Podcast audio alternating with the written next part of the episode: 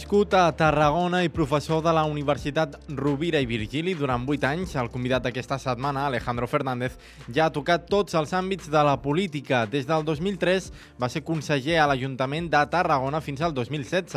Allà va ser primer tinent d'alcalde i va ser alcaldable de Tarragona el 2011 per repetir també el 2015. Precisament aquell any va ser escollit al Parlament de Catalunya com a diputat, on des de 2021 és el president del Partit Popular a Catalunya i va ser també el candidat en aquelles darreres eleccions. El 2011 també va arribar al Congrés dels Diputats durant la decena legislatura.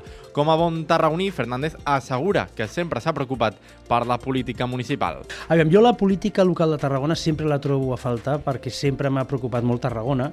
Jo continuo sent veí de Tarragona, tot i que la majoria de la vida la faig a, a Barcelona, però Tarragona és com allò que tens l'espina clavadeta de, de, Primer perquè en el seu moment doncs, vaig estar molt a punt de ser alcalde i és una d'aquelles coses que m'hauria fet molta il·lusió i no perdo mai de vista l'actualitat local tot i que ara, evidentment, no tinc el, el, el mateix coneixement de, dels detalls de, del dia a dia, no?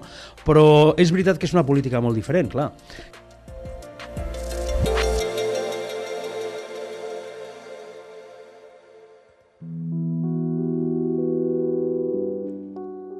Alejandro Fernández ens va desvetllar que abans de fer els seus discursos practicava davant de vaques. El líder del Partit Popular a Catalunya també va assegurar que la militància popular a Catalunya té més mèrit que en d'altres punts de l'Estat. A mi m'agrada insistir molt, és que eh, la militància del Partit Popular de Catalunya eh, té molt de mèrit i, i m'explicaré. No és que la resta de la militància al, al conjunt d'Espanya no el tingui, és que eh, quan et dediques a la política o tens vocació política et dediquis o no professionalment, tinguis càrrec públic o no. Quan eh, estàs a Catalunya, el camí de fer-ho a través del Partit Popular és el camí més difícil.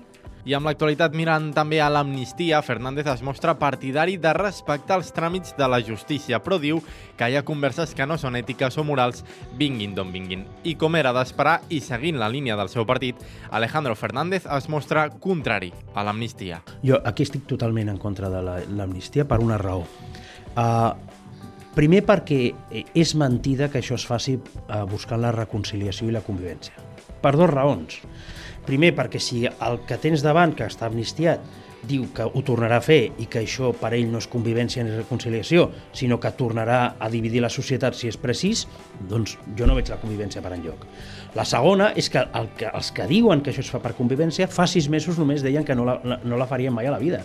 El líder dels populars a Catalunya també admet que l'ús de l'amnistia en el passat va ser un error i, d'altra banda, Alejandro Fernández augura que la política l'acompanyarà tota la vida. Jo, jo, jo crec que hi ha una part de la política que és per tota la vida.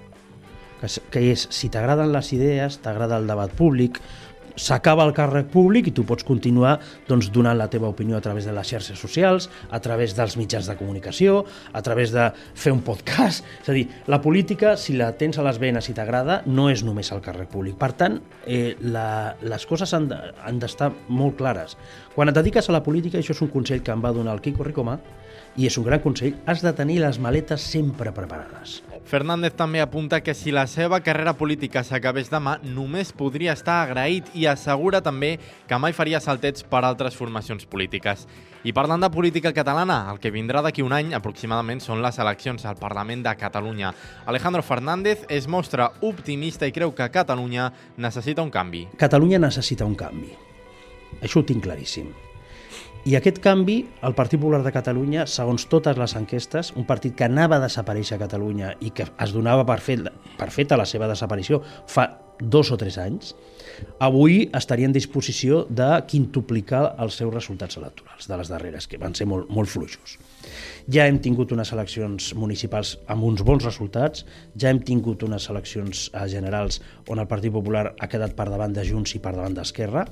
Això significa que al Parlament de Catalunya podem tor tornar a tenir un grup molt gran. El líder dels populars a Catalunya viu un moment crucial. El PP va registrar els pitjors resultats en les darreres eleccions, però Fernández dibuixa l'estratègia a seguir que ha passat a Madrid, per exemple. Alejandro Fernández es veu governant i fer-ho bé per aconseguir després el que seria la majoria absoluta. A més a més, el líder de la formació blava a Catalunya accepta que un govern sense la part nacionalista seria positiu per a Catalunya. Jo el que tinc molt clar també és que si es donés una oportunitat de canvi a Catalunya, Però un canvi, també parlo per una qüestió d'alternança política. I Catalunya, és veritat que ha tingut eh, governs de composició diferent, però la part nacionalista independentista sempre ha estat present. Eh, ja fos amb els governs de Jordi Pujol, amb el tripartit amb Esquerra Republicana i ara amb Esquerra Republicana en solitari i abans amb Junts. Jo crec que després de més de 40 anys d'autonomia, de recuperació de l'autonomia, jo crec que un govern on no hi hagués una part eh, nacionalista independentista, jo crec que seria bo per Catalunya. I parlant de temes de caire local, Alejandro Fernández s'ha mostrat a favor de l'àrea metropolitana, però sempre amb una condició, que Tarragona lideri com a capital. Mentre es respecti el lideratge de Tarragona com a capital en una fórmula d'aquestes característiques, tindrà el meu suport. Si no es respecta, no tindrà el meu suport, però no per una qüestió de tarragonisme en termes futbolístics o passionals, sinó perquè crec que si no hi ha un lideratge clarament definit en una àrea d'aquestes característiques, a Barcelona ningú no dubta qui té el lideratge. I és veritat que les dimensions a, a Tarragona no són com les de Barcelona i que és veritat que tenim dues ciutats, Tarragona és més gran, però amb una diferència eh, relativament petita eh, respecte de Reus. Però el lideratge l'ha de tenir la capital.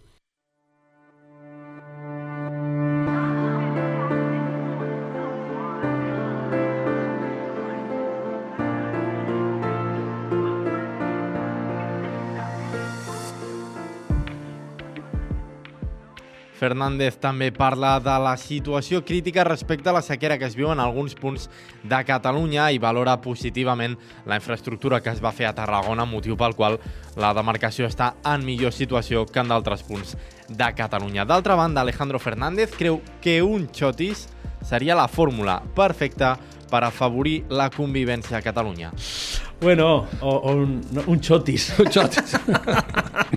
Agarrao, com, com, com li va... No sé, jo, jo la, la veritat és que tot això que ha passat amb els darrers 10 anys eh, desgasta molt. Tot el que sigui una mica més de convivència i de... Ostres, aniria molt bé.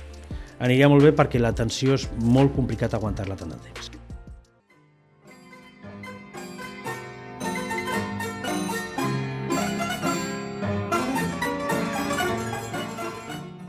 I com a vegades els desitjos són ordres, amb un xoti s'acomiadem aquest reportatge sobre Alejandro Fernández, un polític de raça que espera fer un canvi polític de 180 graus al Parlament de Catalunya durant les properes eleccions de l'any 2025.